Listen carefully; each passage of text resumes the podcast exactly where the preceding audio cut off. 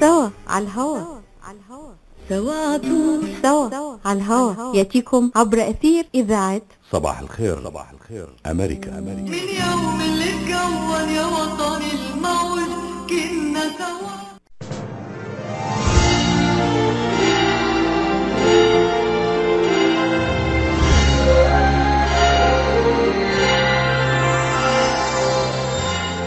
روح روح الميلاد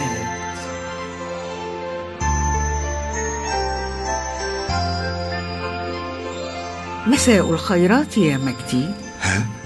من أنت؟ ألا تعرفني؟ أنا روح الميلاد روح الميلاد؟ ألا تذكرني حقا؟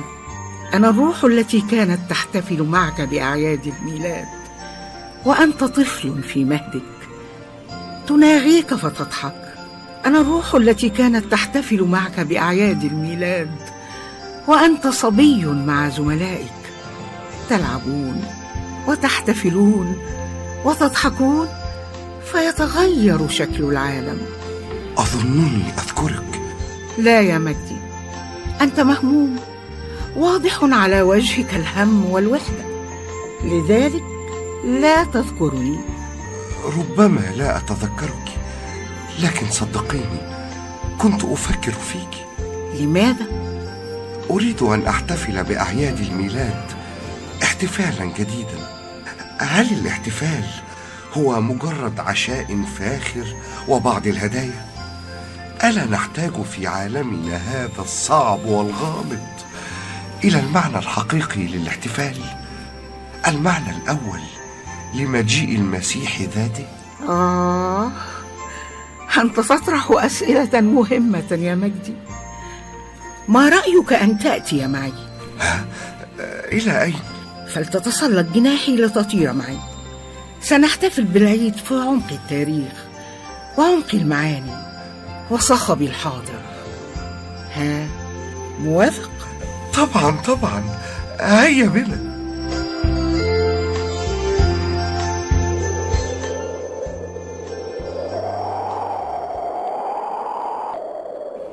من هؤلاء يا روح الميلاد؟ إنهم الرعاة. يتلقون بشارة الملاك بميلاد المسيح. ولد المسيح هللويا.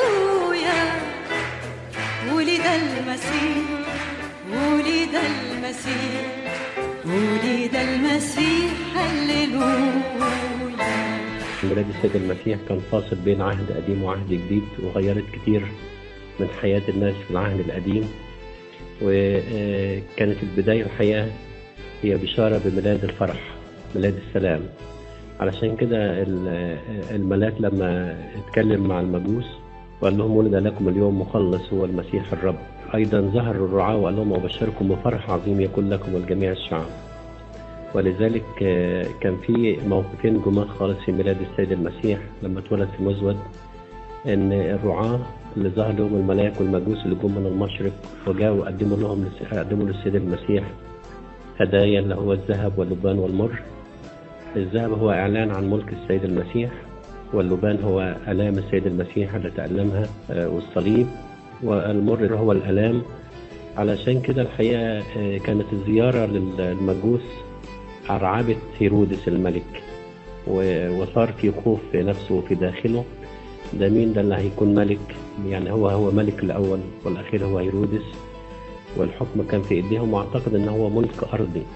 ولكن كان ملك السيد المسيح هو ملك على قلوب الناس ملك من نوع آخر ليس بالمفهوم المادي. ولكن كان ملك السيد المسيح هو تأسيس ملكوت الله على الأرض. الحدث الأعظم هو حدث الميلاد حدث الميلاد المجيد. في خلال الشهر كياك ده بيسموه شهر التسبيح شهر التمجيد للميلاد. وكأننا عايشين في ظلمة في العهد القديم. والكنيسة تبقى سهرانة من بالليل لغاية الصبح وفي السهرة بالليل ديت في البرد الشديد وفي الظلمة الحالكة دي. يشرق علينا نور الصباح وده إعلان عن أن المسيح له المجد هو شمس البر الذي أشرق بنوره على البشرية كلها. ولذلك دعي أن هو قال عن نفسه كده أنا هو نور العالم. تمسك بي جيدا يا مجدي لنطير سريعا إلى الغار. لنشهد ميلاد المسيح. الميلاد له معاني آه، عميقة جدا لأنه يتعلق مباشرة بسر التجسد. وسر التجسد هو سر الخلاص. فالبشارة الأولى أتت لمريم. السلام عليك يا مريم الرب معك. وقبل الميلاد أو في حين الميلاد ظهر الملائكة وأنشدوا المجد لله في العلا وعلى الأرض السلام. هذه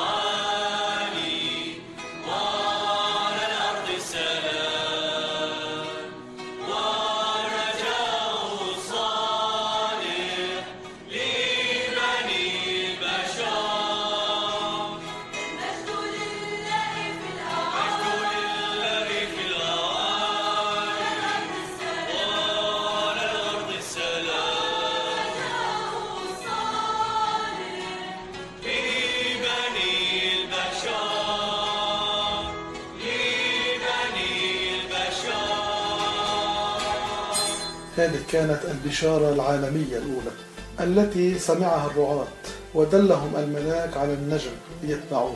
والنجم في ذاك الوقت هو بمثابة ال GPS بالنسبة لنا. آه، تبعه الرعاة لأنهم ذهلوا لهذا لهذه البشارة السماوية التي لم يتعودوا عليها. فانطلق نحو المغارة دون أن يعلموا بالضبط ما هو هذا السر وما معنى هذه البشارة أو هذا السلام الملائكي بعد وصول الرعاة وجدوا الطفل في المغارة وكانت دهشتهم أن آه، مريم ويوسف مع الطفل كانوا بوضع فقير جدا. ما معنى هذه البشارة الإلهية وعلاقتها بالمزود والمغارة والفقر؟ ونعلم بأن الفقر هو فقر الله هو الذي كان غنيا واتضع. وهنا كان الانقلاب في مقاييس البشرية التي بدأت تتزاوج مع الفكر الإلهي. أرى ثلاثة من الرجال قادمين من جهة الشرق إلى بيت لحم.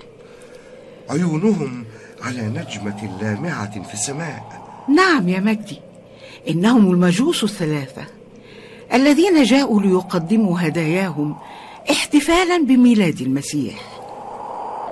المجوس؟ يعني جات لهم رسالة كده من الله إن هم آه، يعني غيروا اتجاههم لأنهم راحوا لهيرودس في البداية عشان يسألوا أين يولد ملك اليهود. وهيرودس انزعج من الأمر جدا وبعدين قال لهم كده ابحثوا عن الصبي ولما تلاقوه تعالوا بلغوني عشان أنا كمان أروح وأسجد له. ودي كانت خدعة من هيرودس أو أراد بيها إن هو يعرف مكانه فين بالظبط علشان يروح ويتخلص من هذا الملك الجديد اللي أعتقد إن هو جاي يملك مكانه وينزعه عن ملكه. ولذلك ظهر الملائكة المجوس وقالوا لهم أنتوا هتغيروا اتجاهكم ومساركم. فلما آه، زاروا السيد المسيح وقدموا له الهدايا انطلقوا في طريق آخر وما رجعوش لهيرودس مرة تانية. وده كان سبب إن خلى هيرودس الملك يقتل كل الأطفال الصغيرين من سن سنتين فيما دون في مجزرة كبيرة جدا. وأعتقد إن هو بكده تخلص من السيد المسيح. ولكن كانت إرادة الله وكانت إرادة الخلاص للبشرية كلها. ان يأتي السيد المسيح على مصر. وتتبارك مصر بهذه الزيارة المباركة ويأتي السيد المسيح من أورشليم إلى إلى مصر. ويقعد في مصر حوالي ثلاث سنين ونص تقريبا. ياخد مصر كلها من الشمال للجنوب ومن الشرق للغرب.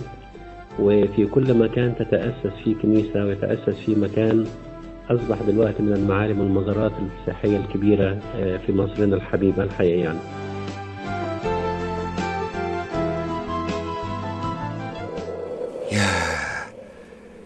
إنه يوم عظيم يا روح الميلاد. يوم المعجزات حقا. لكنني قرأت على النت أن البعض يحتفلون به يوم 25 ديسمبر. والبعض يحتفلون به يوم 7 يناير. فلماذا؟ اختلاف ال- الاحتفال بعيد الميلاد من مذهب لآخر الحقيقة هو مش موضوع مذاهب خالص ملوش علاقة بالمذاهب ولا بالعقيدة. ولكن هو نوع من أنواع بس اختلاف في التقويم تقويم الشمس والتقويم القمري. فالآباط يحتفلوا بيه في 7 يناير لأن إحنا ماشيين بتقويم معين. في الغرب بيحتفلوا بيه ب 25 ديسمبر لأنهم ماشيين بتقويم معين. الحقيقة كان العيد لفترة معينة كان آه، هو آه، يوم واحد آه، كلنا بنحتفل بيه في توقيت واحد. ولكن هو اختلاف التقويم التقويم اليولياني غير التقويم الشرقي بتاعنا اللي إحنا بنتعامل بيه في مصر. ولكن هو الميلاد هو حدث ثابت وهو حدث يعني واضح ومعروف في التاريخ وده حقيقة مؤكدة. وأن اختلف بقى التقويم من هنا لهنا تقويم شمسي تقويم قمري. هو اختلاف تقويم وليس أكثر يعني. بالنسبة ما يخص نص الإنجيل على يوم محدد هو مفيش يوم محدد في في الإنجيل بميلاد السيد المسيح بتوقيت معين. ولكن هو إحنا آه، بداية التقويم وقت ما بدأ التقويم الميلادي هو ده بداية ميلاد السيد المسيح العلماني وبقى نتيجة اختلاف ال- آه، التقويم الشمس والقمري حدث الاختلاف دوت. إحنا مشينا لغاية دلوقتي تقريبا 7 يناير اللي هو تأكيدا يوم 29 آه، كياك. فده هو التاريخ اللي الكنيسة آه، بتحتفل بيه أو التوقيت اللي الكنيسة بتحتفل بيه. آه، التقويم ال- ال- ال- المصري القديم اللي هو دلوقتي أصبح التقويم نسميه تقويم الشهداء. يجي إمتى بقى؟ ممكن ساعات السنة الكنيسة حتى بيجي يوم 8 يناير. لكن إحنا عشان يبقى 7 و8 يناير بيحتفل بهم كعيد ولنا قرايات منظمة في القطمارس في القداسات والصلوات بتاعتنا الخاصة. فبنصلي 7 و8 يناير زي في السنة الكنيسة اللي هي بتيجي كل أربع سنين. من من هذا الرجل هناك يا روح الميلاد؟ يبدو يبدو أنه يبني مغارة. إنها تشبه المغارة التي ولد فيها السيد المسيح. نحن الآن في عام 1223 إنه القديس فرانسيس الأسيزي يذكر الناس تمثيليا بحدث الميلاد في المغارة. نعم نعم. إنني أرى رجلا وامرأة لتمثيل مريم ويوسف وطفلا لتمثيل يسوع مع بقرة وحمار وخرفان. وانتشر بعد ذلك تقليد مغارة القديس فرانسيس في أوروبا والعالم وهي تمثل حدث الميلاد. لكن قولي لي يا روح الميلاد هل يتم الاحتفال بميلاد المسيح كل عام منذ ميلاده حتى الآن؟ لا يا مجدي.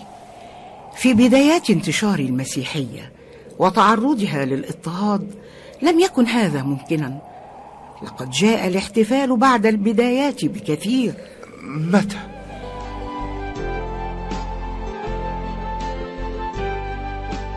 آه، الاحتفال بعيد الميلاد ابتدى تقريبا في نهايات القرن الثالث الميلادي أو بدايات القرن الرابع. وهي الحقيقة ال- المسيحيين ما كانوش بيحتفلوا آه، قبل كده بعيد الميلاد خالص.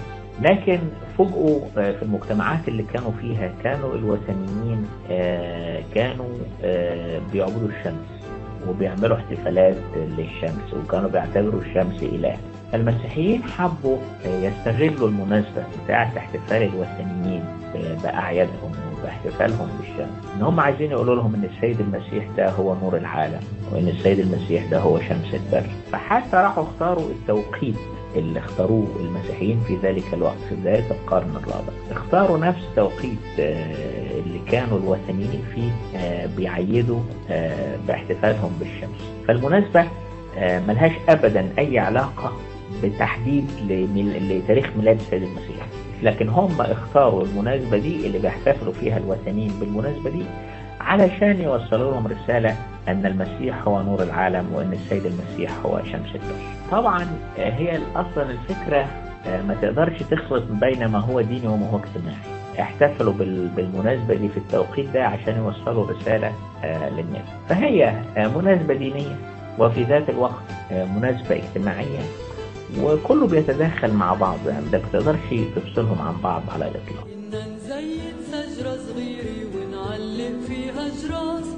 عليها نجوم بيلمع لونها بيلمع مثل الألماس مليان التلج ومليان ملبس أبيض بكياس يا جراس وعي الناس للقداس. يا جراس يا جراس الليل عيد وعي الناس. كان عليها مسابح زرقا وشمع صغير ولمبات حمرا وصفرا تضوي وتطفي بتشبه ضوء الطرقات بين غصون شرايط الدورة في نور وبالونات يا جراس وعي الناس للقداس يا جراس يا جراس الليل عيد وعي الناس. مرحبا سعيد. أهلا علا. ليش هالمقابلة الفاترة هي بيقول المثل لاقيني ولا تغديني. يمه زعلتي. شنو رأيك إذا لقيتك وأيضا غديتك بأحسن مطاعم ميشيغان مطعم اشتاه والله فكرة. أفضل الأطباق والمقبلات العربية والعراقية وأحلى ملقا ولا تنسين اللحوم الطازجة مباشرة من ملحمة عشتار لزباين عشتار. وملحمة عشتار توفر اختيارات متنوعة من كافة أنواع اللحوم وبأسعار متميزة وجودة أيضا مميزة. ملحمة عشتار تقع على 36865 Ryan Road في مدينة ستيرلينغ هايت. وأكيد أحلى لمة وأطيب لقمة في مطعم عشتار اللي عنوانه 3625 15 Mile Road في مدينة ستيرلينغ هايت. هاتف 586-698-2585 586-698-2585 يلا علا. يلا عشتار للجودة وكرم الضيافة عنوان. مطعم عشتار. حكي معونه فهم في العين وأفهم كمان في ومن بمثل خبرة الدكتور عماد نقاش أستاذ الطب وجراحة العيون في جامعة وين. خبرة طويلة في التعامل مع أمراض العيون وجراحتها عمليات تعديل وتصفية النظر إزالة الماء الأبيض والأسود الجلوكوما وتصحيح النظر من أثار مرض السكر. كادر متخصص ومتدرب لخدمتكم. شعبة متخصصة للنظارات الطبية والهندسة اللاصقة. يقبلون معظم أنواع التأمين الصحي زورهم في عيادتهم الواقعة على جنار والناين مايل في مدينة هيزل بارك للمواعيد اتصلوا على 248 336 3937 248 336 3937 أو عيادتهم في راجستر هولس للمعلومات اتصلوا على 248 299 3937 248 299 3937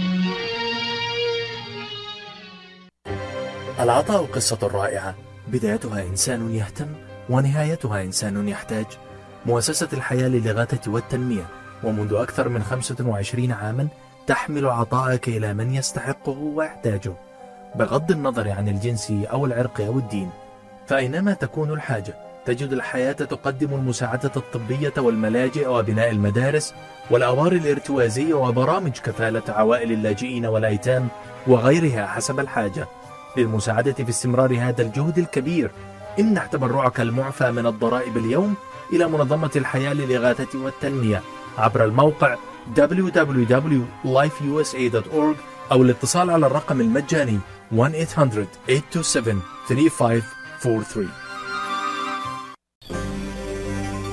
سوا على الهوا سوا سوا على الهوا يأتيكم عبر أثير إذاعة صباح الخير صباح الخير. أمريكا أمريكا. من يوم اللي اتكون يا وطني الموج كنا سوا. جميلة شجرة الميلاد من أعلى يروح الميلاد.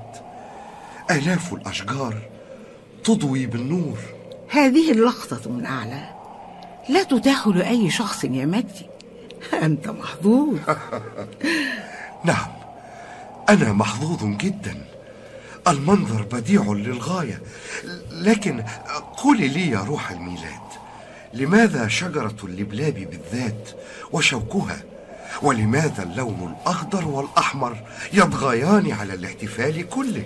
سؤال ذكي جدا يا مجدي. لا شيء بلا معنى ولا تاريخ في هذا الاحتفال. كل شيء وكل لون هو رمز لمعنى وتاريخ. عادة تزين شجرة عيد الميلاد سابقة للمسيحية ومرتبطة بالعادات الوثنية في إكرام وعبادة الشجرة وكانت منتشرة على وجه الخصوص في ألمانيا. ولذلك لم تحبذ الكنيسة في القرون الوسطى الباكرة عادة تزيين الشجرة. وأول ذكر لها في المسيحية يعود لعهد البابا القديس بونيفاس الذي أرسل بعثة تبشيرية لألمانيا ومع اعتناق سكان المنطقة المسيحية لم تلغى عادة وضع الشجرة في عيد الميلاد. بل حولت رموزها إلى رموز مسيحية وألغيت منها بعض العادات كوضع فأس وأضيف إليها وضع النجمة رمزا إلى نجمة بيت لحم التي هادت المجوس الثلاثة. غير أن انتشارها ظل في ألمانيا ولم يصبح عادة اجتماعية مسيحية ومعتمدة في الكنيسة إلا مع القرن الخامس عشر حيث انتقلت إلى فرنسا وفيها تم إدخال الزينة إليها بشرائط حمراء وتفاح أحمر وشموع واعتبرت الشجرة رمزا لشجرة الحياة المذكورة في سفر التكوين من ناحية ورمزا للنور من ناحية أخرى. ولذلك تمت إضاءتها بالشموع وبالتالي رمزا للمسيح وأحد ألقابه في العهد الجديد نور العالم. لاحقا نسبت إضاءة الشجرة إلى مارتن لوثر في القرن السادس عشر غير أنه وبجميع الأحوال. لم تصبح الشجرة حدثا شائعا إلا مع إدخال الملكة شارلوت زوجة الملك جورج الثالث تزيين الشجرة إلى إنجلترا. ومنها انتشرت في الولايات المتحدة وكندا وأستراليا وتحولت معها. إلى صبغة مميزة لعيد الميلاد منتشرة في جميع أنحاء العالم. في السابق كانت الأشجار التي توضع في المنازل وتزين لمناسبات العيد أشجارا طبيعية غير أنها حاليا تنتشر الأشجار الصناعية مكانها بأطوال وأحجام وألوان مختلفة. غير أن عددا من المحتفلين لا يزال يستعمل الأشجار الطبيعية وقد نشأت شركات تهتم بزراعة أشجار الصنوبر الإبرية الخاصة بالميلاد وتسويقها قبيل العيد. تزين الشجرة حاليا بالكرات مختلفة الأحجام وإلى جانب الكرات التي تتنوع ألوانها بين الذهبي والفضي والأحمر مع وجود بعض الأشجار المزينة بغير الطريقة المألوفة لألوان العيد الثلاثة كالأزرق مثلا. توضع أضواء ملونة أو ذهبية على الشجرة كما توضع في أعلاها نجمة تشير إلى نجمة بيت لحم التي دلت المجوس على الطريق. وتزين الشجرة أيضا بالسلاسل أو بالملائكة أو بالأجراس وغيرها مما يتوفر في المحلات.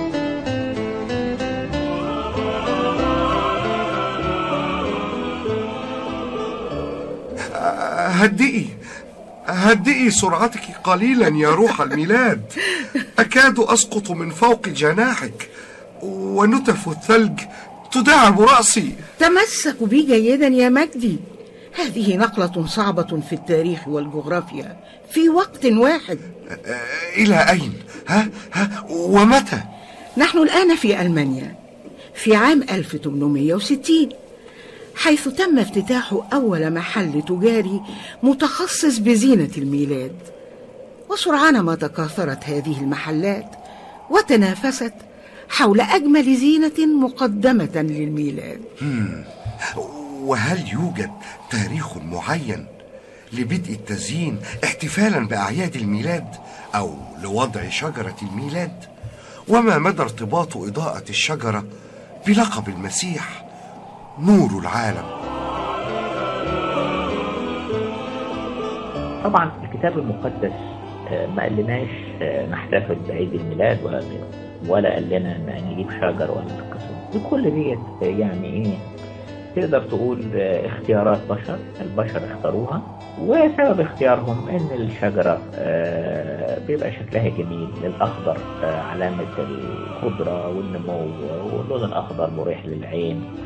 آه، وعلشان كده اختاروا الشجرة لألوانها ولأنها بتظلل وبتكون وارفة وجميلة وكده. لكن ملهاش أبدا أي علاقة آه، بنص آه، في الكتاب المقدس ولا لها أي علاقة خالص بميلاد السيد المسيح صعب إن إحنا نعرف إمتى بالظبط ابتدى تاريخ وضع الشجرة. لكن كلها زي ما قلت حضرتك ابتدت آه، يعني من دولة لدولة ابتدت تختلف شكل الاحتفالات. لكن ما تقدرش تقول إن في تاريخ محدد ابتدت فيه استعمال شجرة الميلاد.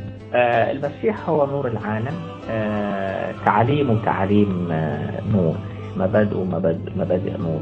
آه، يعني السيد المسيح آه، في كل الأديان لما نقرأ عنه في الإنجيل ونقرأ عنه في القرآن الكريم بنجد آه، أنه أولا اتولد بطريقة آه، معجزية فريدة. آه، كل البشر آه، اتولدوا من أب وأم. حتى آدم يعني صح ما كانش له لا أب ولا أم لكن ده كان بداية الخلق فكان لازم يعني ربنا يخلقه من العدم بالطريقة دي. لكن من بعد آدم كل الناس بتتولد ولادة طبيعية جميع الأنبياء اتولدوا ولادة طبيعية لكن السيد المسيح هو الوحيد من الأنبياء اللي ولد من القديسة العذراء مريم. وعشان كده حتى لما المسيحيين بيقولوا المسيح ابن الله مش بيقصدوا خالص ان ربنا يتجوز. يعني إزاي ربنا يتجوز؟ الله روح يعني. يتجوز إزاي؟ بديع السماوات والأرض.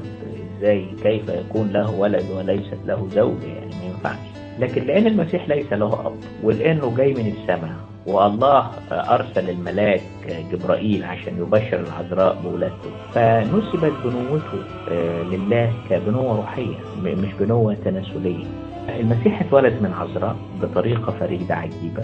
عاش حياة آه، ما عملش خطية. يعني هتلاقي أنبياء كتير أخطأوا. أنبياء كتير استغفروا ربنا. أنبياء كتير كان ليهم ذنوب متقدمة وذنوب متأخرة. سيد المسيح لم يرتكب ذنب. مفيش في مرة من المرات استغفر ربنا خالص. الله أشعر كأن السحاب الذي نطير فوقه هو الذي يعزف ترانيم الميلاد يا روح الميلاد هل يمكن أن تتصور احتفالا بالميلاد بدون هذه الترانيم يا مجدي؟ مستحيل طبعا أتعرف من أول من بدأ الترانيم؟ من؟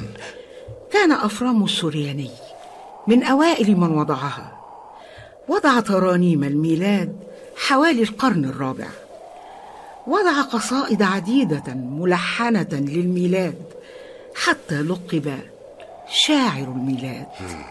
أنا أحب الموسيقى وأعرف قليلا عن ترانيم الميلاد. الترانيم الكنسية الشعبية السيمفونيات حتى موسيقى الروك والبوب والجاز ساهمت في ترانيم لأعياد الميلاد. نعم يا مجدي.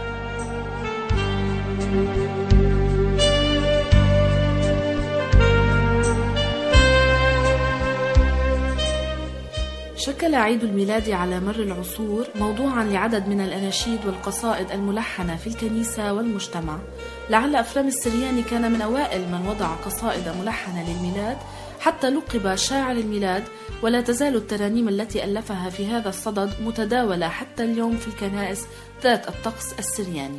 في نفس الفترة أي بحلول القرن الرابع كان قد ظهر في أوروبا أيضا مجموعة ترانيم خاصة بالعيد مثل نور الأمم. وذلك على يد القديس أمبروسيوس أسقف ميلانو. وكانت الأناشيد الأولى سواء في الشرق أم الغرب تتخذ منحى المعاني اللاهوتية وتكثر من أخذ التصورات الإنجيلية.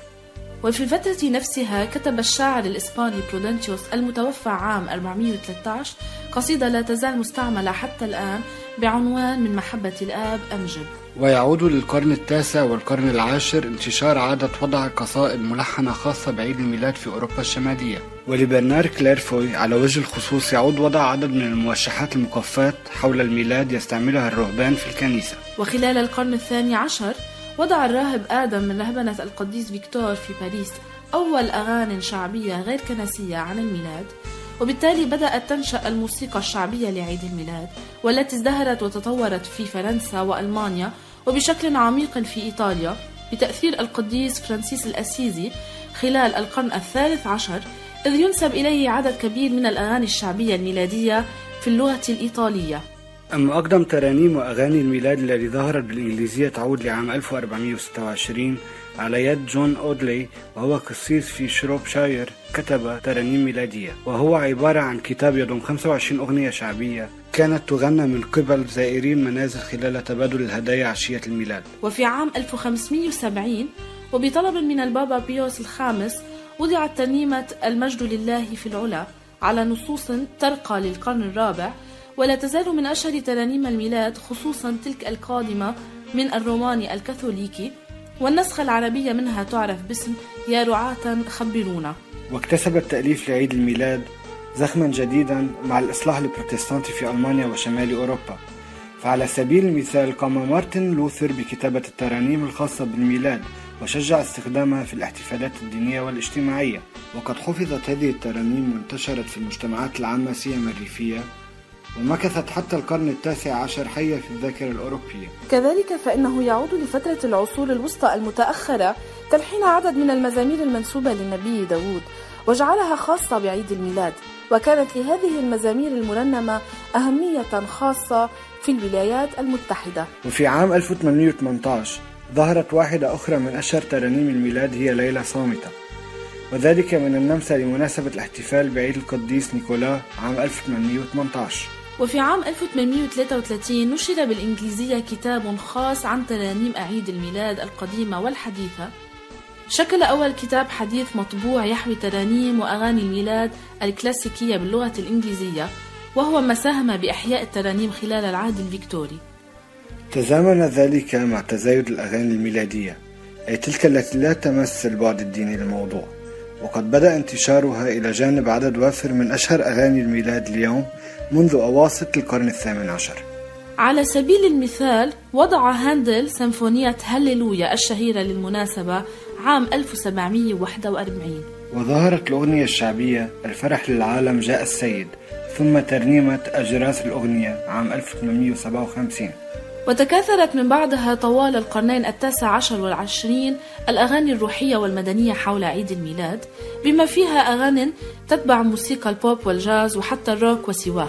فيما يخص اللغة العربية فقد وضعت ومنذ القرن الثامن عشر عدد من القصائد والأناشيد الميلادية الملحنة كقصائد للمطران عبد الله القرآلي المتوفى عام 1724 وعربت أناشيد أخرى مشتقة من أناشيد سريانية أمثال أرسل الله وسبحان الكلمة المستعملتين بين المسيحيين العرب حتى اليوم. وفي عام 1992 قامت الفنانة اللبنانية فيروز بإصدار ألبوم يحوي 14 أغنية وترنيمة ميلادية. أغلبها كلمات عربية لألحان عالمية أمثال عيد الليل النسخة العربية من أغنية ليلة صامتة. وتكاثرت بعدها هذه الأغاني خصوصا جوقة أجابي في لبنان وجوقة الفرح في سوريا. ومن الألبومات العربية الأخرى لعيد الميلاد ألبوم ملك في مذود وألبوم بيت لحم وكلاهما من جوقات كنسية. وإلى جانب الأغاني العالمية بلغتها الأصلية أو معربة هناك أيضا ترانيم ميلادية خاصة بالعرب أمثال ترنيمة ليلة الميلاد التي وضعها الأب اللبناني منصور لبكي وبضيعة صغيرة من سية ضوي بليالي سعيدة.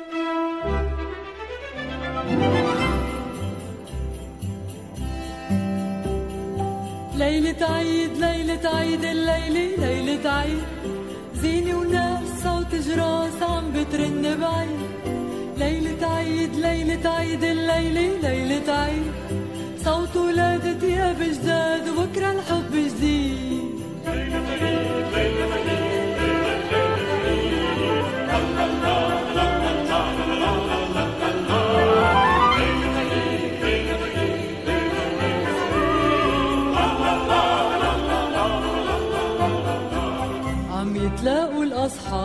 الأصحاب لهدية خلف الباب في شجرة بالدار ويدوروا ولاد صغار. والشجرة صارت عيد والعيد سوارة بإيد. والإيد تعلق عالشجرة غنية وعناقيد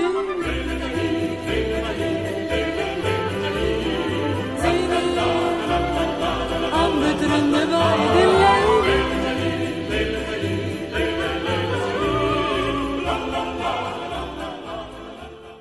مراكز IVF ميشيغان للخصوبة وأطفال الأنابيب الرواد في مجال الطب التناسلي. تعلن عن استقبال مراجعيها في بلومفيلد هيلز ومراكزها المنتشرة في ميشيغان وأوهايو حيث يتواجد أمهر الأخصائيين لتقديم الاستشارات في جميع مجالات التلقيح الصناعي.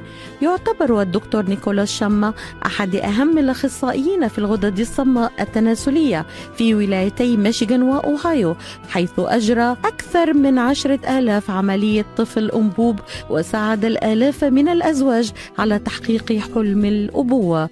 يحمل الدكتور شمة شهادة البورد الأمريكي في كل من أمراض النساء والتوليد أمراض الغدد الصماء التناسلية والعقم. رعاية طبية ممتازة وتفهم عميق للأثر العاطفي والنفسي لحالة العقم. للاستفسار اتصلوا على 248 952 9600 248 952 9600 قشات Mediterranean Market بإدارة سهر قشات وأولاده يرحبون بالجالية العربية والكلدانية. جميع أنواع المواد الغذائية البان طازجة الكرزات والبهارات الطازجة. داخل الأسواق مطعم Mediterranean شيش كباب يقدم يوميا جميع أنواع الكباب. المقبلات العربية العراقية وصواني ال combo المميزة تفتح الأسواق من الثامنة إلى التاسعة مساء من الاثنين وحتى السبت ومن الثامنة صباحا إلى التاسعة مساء يوم الأحد. تقع الأسواق على 32839 Northwestern Highway في مدينة فارمينغتون هيلز لحوم حلال للجالية الإسلامية لطلباتكم من المطعم call 248-538-7855 that is 248-538-7855 قشات Mediterranean Market خدمة متميزة ومعاملة راقية.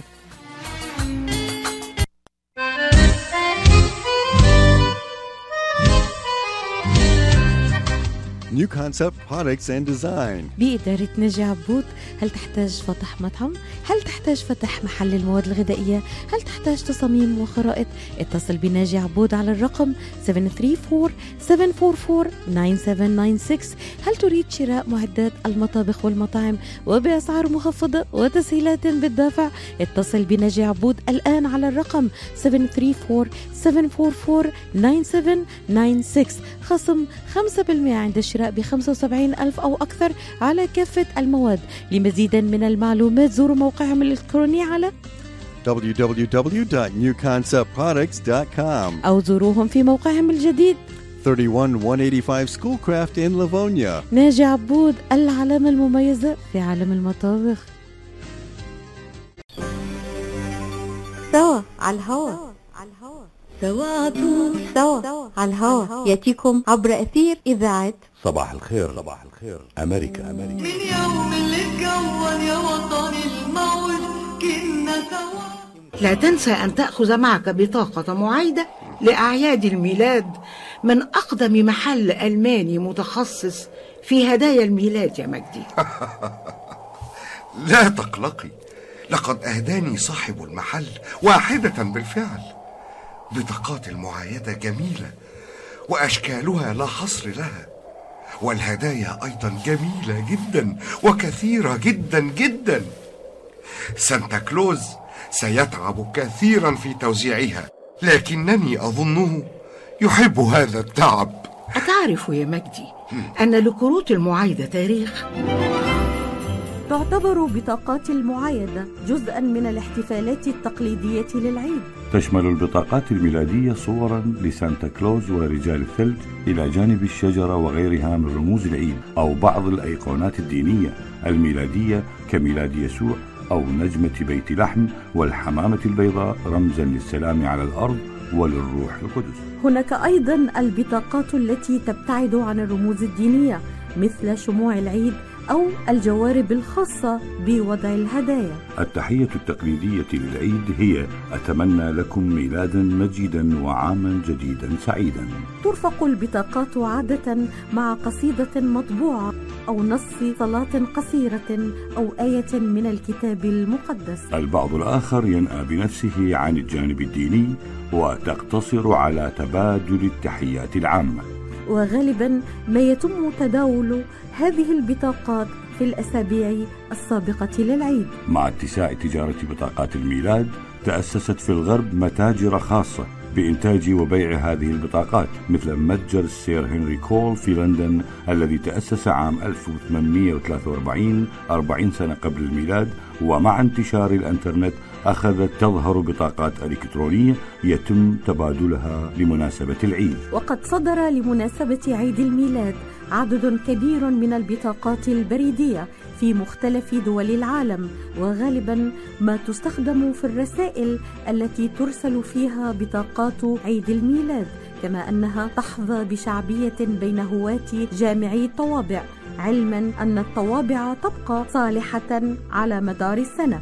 وغالبا ما تصدر الحكومات هذه الطوابع بكميات كبيرة بين أكتوبر وبداية ديسمبر من كل عام وبكميات كبيرة.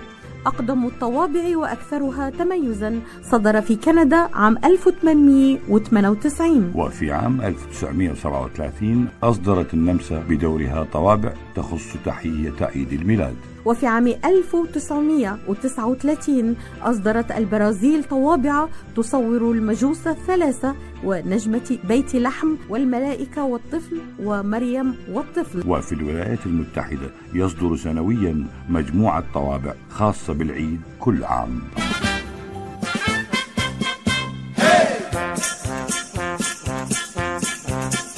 أهلا ببابا نويل يسهر بكل بيوت الولاد واصل عالثلج البردان داير بكل البلدان حتى يوزع هدايا عيد الميلاد. أهلا ببابا نويل يلي واصل ع نويل. جاي يسهر بكل بيوت الولاد واصل عالثلج البردان داير بكل البلدان حتى يوزع هدايا عيد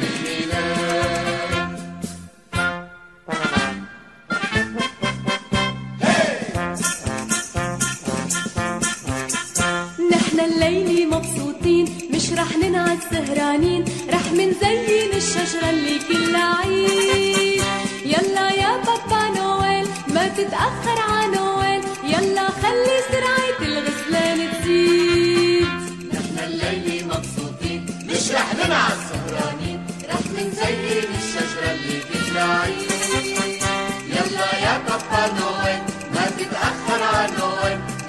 خلي سرعة الغسلان تزيد.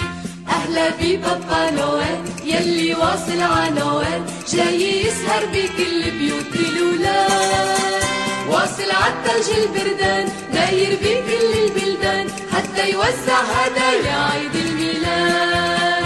حتى يوزع هدايا عيد الميلاد. والهدايا أيضا لم يكن تبادلها أمرا مقبولا منذ البداية. كيف ذلك؟ كان البعض يرفضون تبادل الهدايا في أعياد الميلاد لأنها تشبه طقسا وثنيا ماذا؟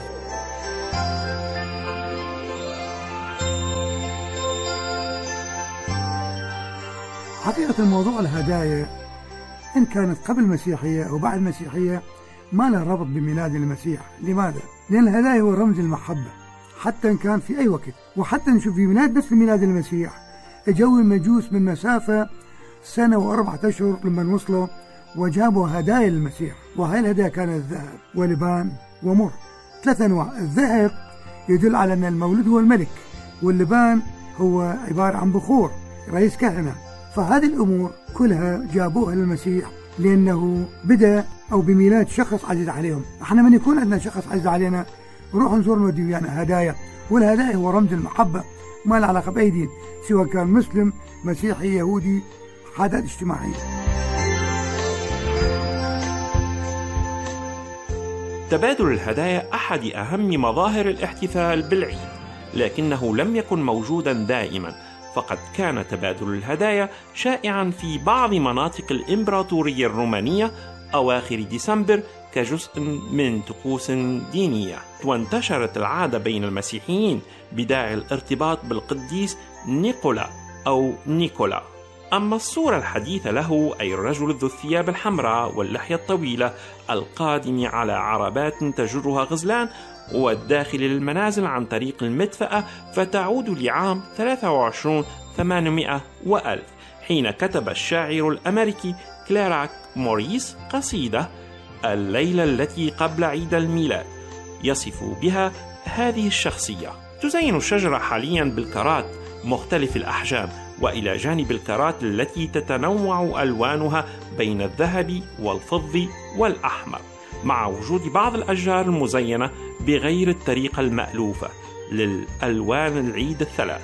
كالأزرق مثلا توضع أضوية ملونة أو ذهبية على الشجرة كما توضع في أعلاها نجمة. تشير إلى نجمة بيت لحم التي دلت المجوس في الطريق كما يوضع تحت الشجرة أو بقربها مغارة الميلاد أو مجموعة صناديق مغلقة بشكل مزين تحوي على الهدايا التي يتم فتحها وتبادلها عشية العيد.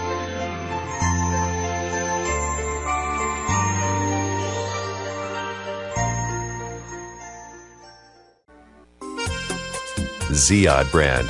Quality products from our family to yours.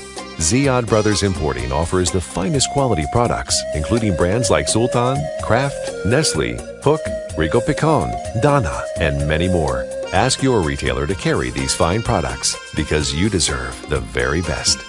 For more information, visit our website at www.ziad.com. That's www.ziad.com. Ziad, quality products from our family to yours. مركز طب رهاب للعلاج الطبيعي بإدارة الدكتور محمد فرح حسين. أخصائي العلاج الطبيعي بخبرة أكثر من 13 عاما. طب رهاب يقدم خدمات العلاج الطبيعي وإعادة التأهيل ويضم مجموعة من أفضل أخصائي التشخيص الدقيق للحالات المرضية مع خبرة عالية في التعامل مع الحالات التي تحتاج إلى إعادة تأهيل وعناية خاصة بعد العمليات والكسور. طب رهاب يستقبل كل الحالات المتعلقة بألم الرقبة، الظهر، المفاصل، شلل الوجه، الانزلاق الغضروفي، عرق النساء، الحوادث وإصابات العمل. خبيرات في المعالجة النسائية لخصوصيات تامة للسيدات. عندما تبحثون عن رعاية متميزة اقصدوا توب ريهاب للعلاج الطبيعي الواقع على 15001 ميشيغان افنيو وللمواعيد اتصلوا على 313 846 0555 that's 846 0555 يوسف الحسن شايفك لازم بيد حلق على إلي ساعة عم بستناك مشان نروح نتغدى بالشام. الشام؟ إيه بالشام ومو بالشام. شلون صارت هي؟ بدل ما نروح نتغدى بالشام إيه. جابوا لنا الأكلات الشامية الطيبة لعنا لهم. وشلون بقى؟ هذا مطعم دماس عم يعمل كل الأكلات الشامية الطيبة. هو وطيبة؟ طيبة كتير. شرفوا نتغدى سوا بمطعم دماس.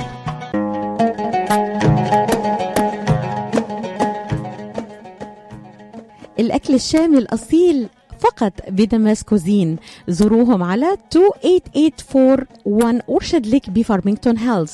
ولطلباتكم اتصلوا على 248-987-4609 That's 248-987-4609 دماس Cuisine and Catering جبنا لكم الشام لعندكم. سوا على الهوا. سوا سوا على الهوا. يأتيكم عبر أثير إذاعة صباح الخير صباح الخير. أمريكا أمريكا. من يوم اللي اتكون يا وطني الموت كنا سوا. أتعبني الطيران يا روح الميلاد. هل مللت يا مجدي؟ بالعكس من يمل من هذه الرحلة الممتعة في التاريخ والجغرافيا؟ بصراحة أنا لم أتعب. أنا أنا جعت لا تقلق. الطعام كثير جدا في هذا الاحتفال. لا أحد يجوع أبدا. أتفضل اللحوم أم الأسماك؟ ألا يوجد طبق موحد متفق عليه يتناوله الجميع في عشاء الميلاد أو في مأدبة الغداء في هذا اليوم؟ أطباق الميلاد أيضا متنوعة حسب البلدان والأزمان. ألم أقل لك إن كل شيء هنا له تاريخ وقصة ورمز؟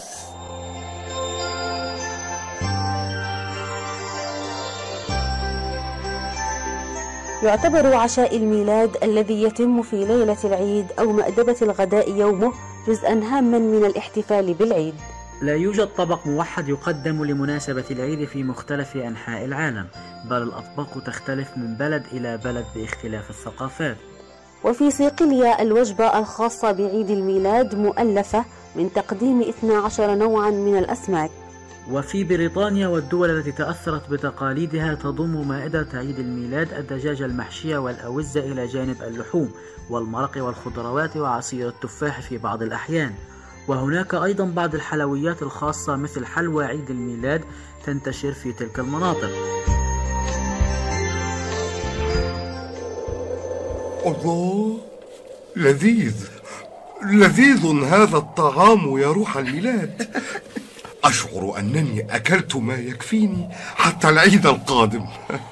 بالهناء والشفاء. أتعرفين يا روح الميلاد؟ ماذا؟ أحيانا يساورني كابوس كابوس؟ ها أي كابوس أتخيل أن يأتي يوم لا يحتفل فيه العالم بأعياد الميلاد سيكون عالما مملا بلا بهجة أليس كذلك؟ ولكن هذا حدث فعلا يا مجدي حدث؟ كيف؟ ومتى؟ ها؟ ولماذا؟ عندي معلومات عن روما في بداية المسيحية كانت تمنع ميلاد المسيح وتقتل المسيحيين وتدمر المسيحيين وإلى درجة كل من يملك كتاب مقدس تحرقه هو وبيته. حقيقة كانت. هذه فطبعا روما اللي سوتها ما حد ما كان يسوي فكان في عيد ميلاد نيرون يجمع المسيحيين ويخلي عليهم جواني وشموع ويحرقهم داير مداير المدينة حتى يبتهج بمي- بميلاد نيرون. شهدت بعض البلاد فترات من منع الاحتفال بعيد الميلاد فخلال القرن التاسع عشر ظهرت دعوات بروتستانتية عدة لإلغاء الاحتفال بعيد الميلاد معتبرة إياه اختراع كاثوليكي أو زخارف بابوية. الكنيسة الكاثوليكية ردت على ذلك عن طريق تشجيع إضفاء طابع ديني أكثر على الاحتفالات.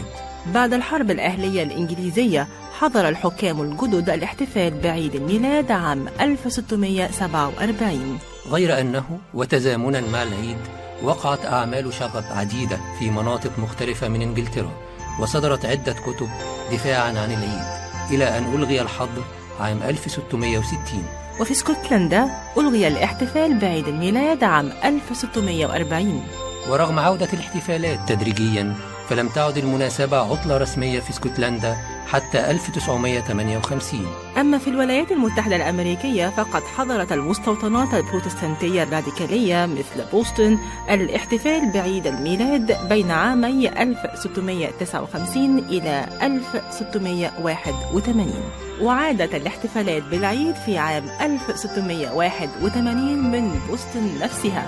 أما في عدد من المستوطنات الأخرى مثل فيرجينيا ونيويورك وبنسلفانيا حيث كان هناك الكثير من الألمان فلم تتوقف الاحتفالات مطلقا. غير أن الحماس نحو العيد تراجع بعد حرب الاستقلال الأمريكية إذ اعتبر عادة إنجليزية.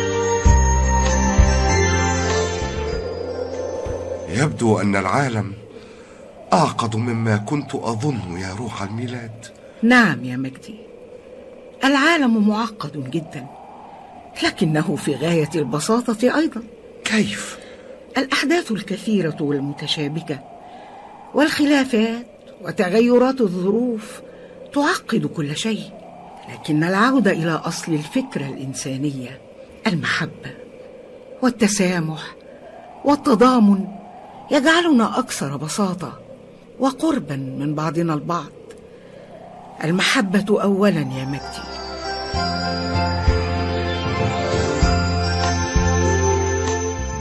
سيد المسيح هو نور العالم زي ما قال الكتاب لأن المسيح هو هدية عظيمة أتت للبشرية من السماء وجاء لخلاص البشرية. ولذلك آه، آه، المسيح هو يعني قال كده الله محبة. المسيح هو رمز الحب وعلامة الحب. وقال الكتاب كده في يوحنا 3 16 هكذا أحب الله العالم حتى بذل ابنه الوحيد لكي لا يهلك كل من يؤمن به بل تكون له الحياة الأبدية. فميلاد السيد المسيح رسالة حب وتقديم الهدايا نوع من أنواع الحب. يعني أن كنا نحن كلنا نشترك في احتفال واحد ده نوع من أنواع الحب والتواصل بيننا وبين بعضنا البعض. وده اللي عمله السيد المسيح المجد لأن الكتاب آه، آه، وضح وقال كده إن إحنا كلنا أعضاء في هذا الجسد جسد المسيح. فأصبحنا كلنا شركاء في الجسد ده. علامة على حياة الشركة اللي بتربطنا ببعضنا البعض وعلامة الاتحاد اللي بيربطنا ببعضنا البعض وأن اختلفت الثقافات من من بلد للتانية ومن منطقة للأخرى. ولكن هو تعبير عن البهجة تعبير عن الفرح تعبير عن الخلاص اللي أعد للبشرية كلها. وكان في ذهن الله منذ البداية منذ خطية أبينا آدم وأمنا حواء. والحقيقة عندنا في مصر الموضوع مش مرتبط حتى بينا كأقباط لكن الحقيقة شعب مصر كله بيحتفل. يعني إحنا عندنا الاحتفالات الدينية مختلفة عن أي أماكن أخرى يعني. لذلك عيد الميلاد الدولة بتديه أجازة للمسيحيين والمسلمين وكل الأطياف وده نوع من أنواع إن العيد هو عيد قومي عيد لل- للدولة كلها وليس لطائفة معينة. وده حاجة جميلة جدا وحاجة بتفرح. آه، إن إحنا كلنا بنشترك مع بعض. القضاة عندهم ميزة جميلة كمان يعملوا الكعك في العيد والبسكويت والحاجات ديت ويقدموا لبعضهم البعض. آه، وده شيء من أنواع التواصل والمحبة الشديدة بين الناس وبين وبين بعضها. لأن هي رسالة أصلا هي رسالة حب رسالة حب ورسالة سلام. يعني إحنا بنتمنى كده وإحنا بنتذكر ميلاد السيد المسيح بنقول يا رب يعني ينتشر السلام في العالم كله وتنتشر المحبة بين الناس كلها وإن اختلفنا في العقيدة وإن اختلفنا في اللون اختلفنا في لغة. لكن ده ابدا ده كلنا يوحدنا في الإنسانية ويخلينا كلنا نحيا في سلام.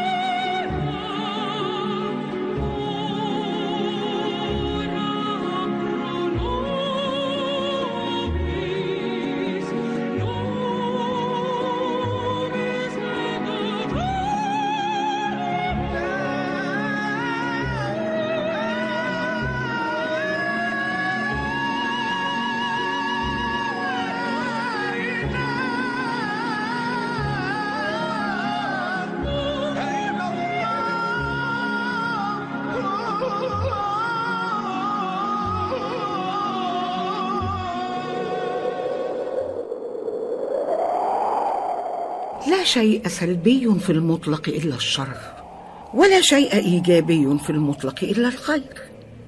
المحبه إذا لديك حق فيما قلت يا روح الميلاد لا شيء سلبي في المطلق إلا الشر ولا شيء إيجابي في المطلق إلا الخير.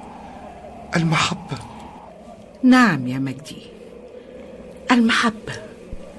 السلام هما الخير المطلق هما النور المطلق هما ما احتاجه العالم قديما وهما ما يحتاجه العالم الآن وهما أنا روح الميلاد.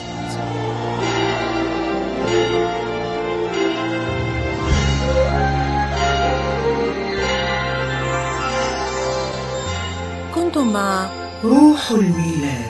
الأداء الدرامي يسرية أحمد ومحمد صالح. وشكر خاص للقساوسة بولس عوض كاهن كنيسة السيدة العذراء والقديس بولس الرسول بالإسكندرية. وأيضا رفعت فكري بالكنيسة الإنجيلية بمصر حنا سلاقة من أمريكا ومارون أبي نادر من لبنان. ومن المراسلين فطين الشيخ من مصر. شارك في التقديم سامر لواء الأمانة وذكريات مصطفى من الإمارات. حصه بن راشد ورفعت عبيد من السعودية. مروة مقبول ومنير عتيبة من مصر. جنى سلوم ومصطفى نمير من لبنان. رواء أبو معمر وأحمد إبراهيم من فلسطين. وأخيرا حسن حامد وليلى الحسيني من أمريكا.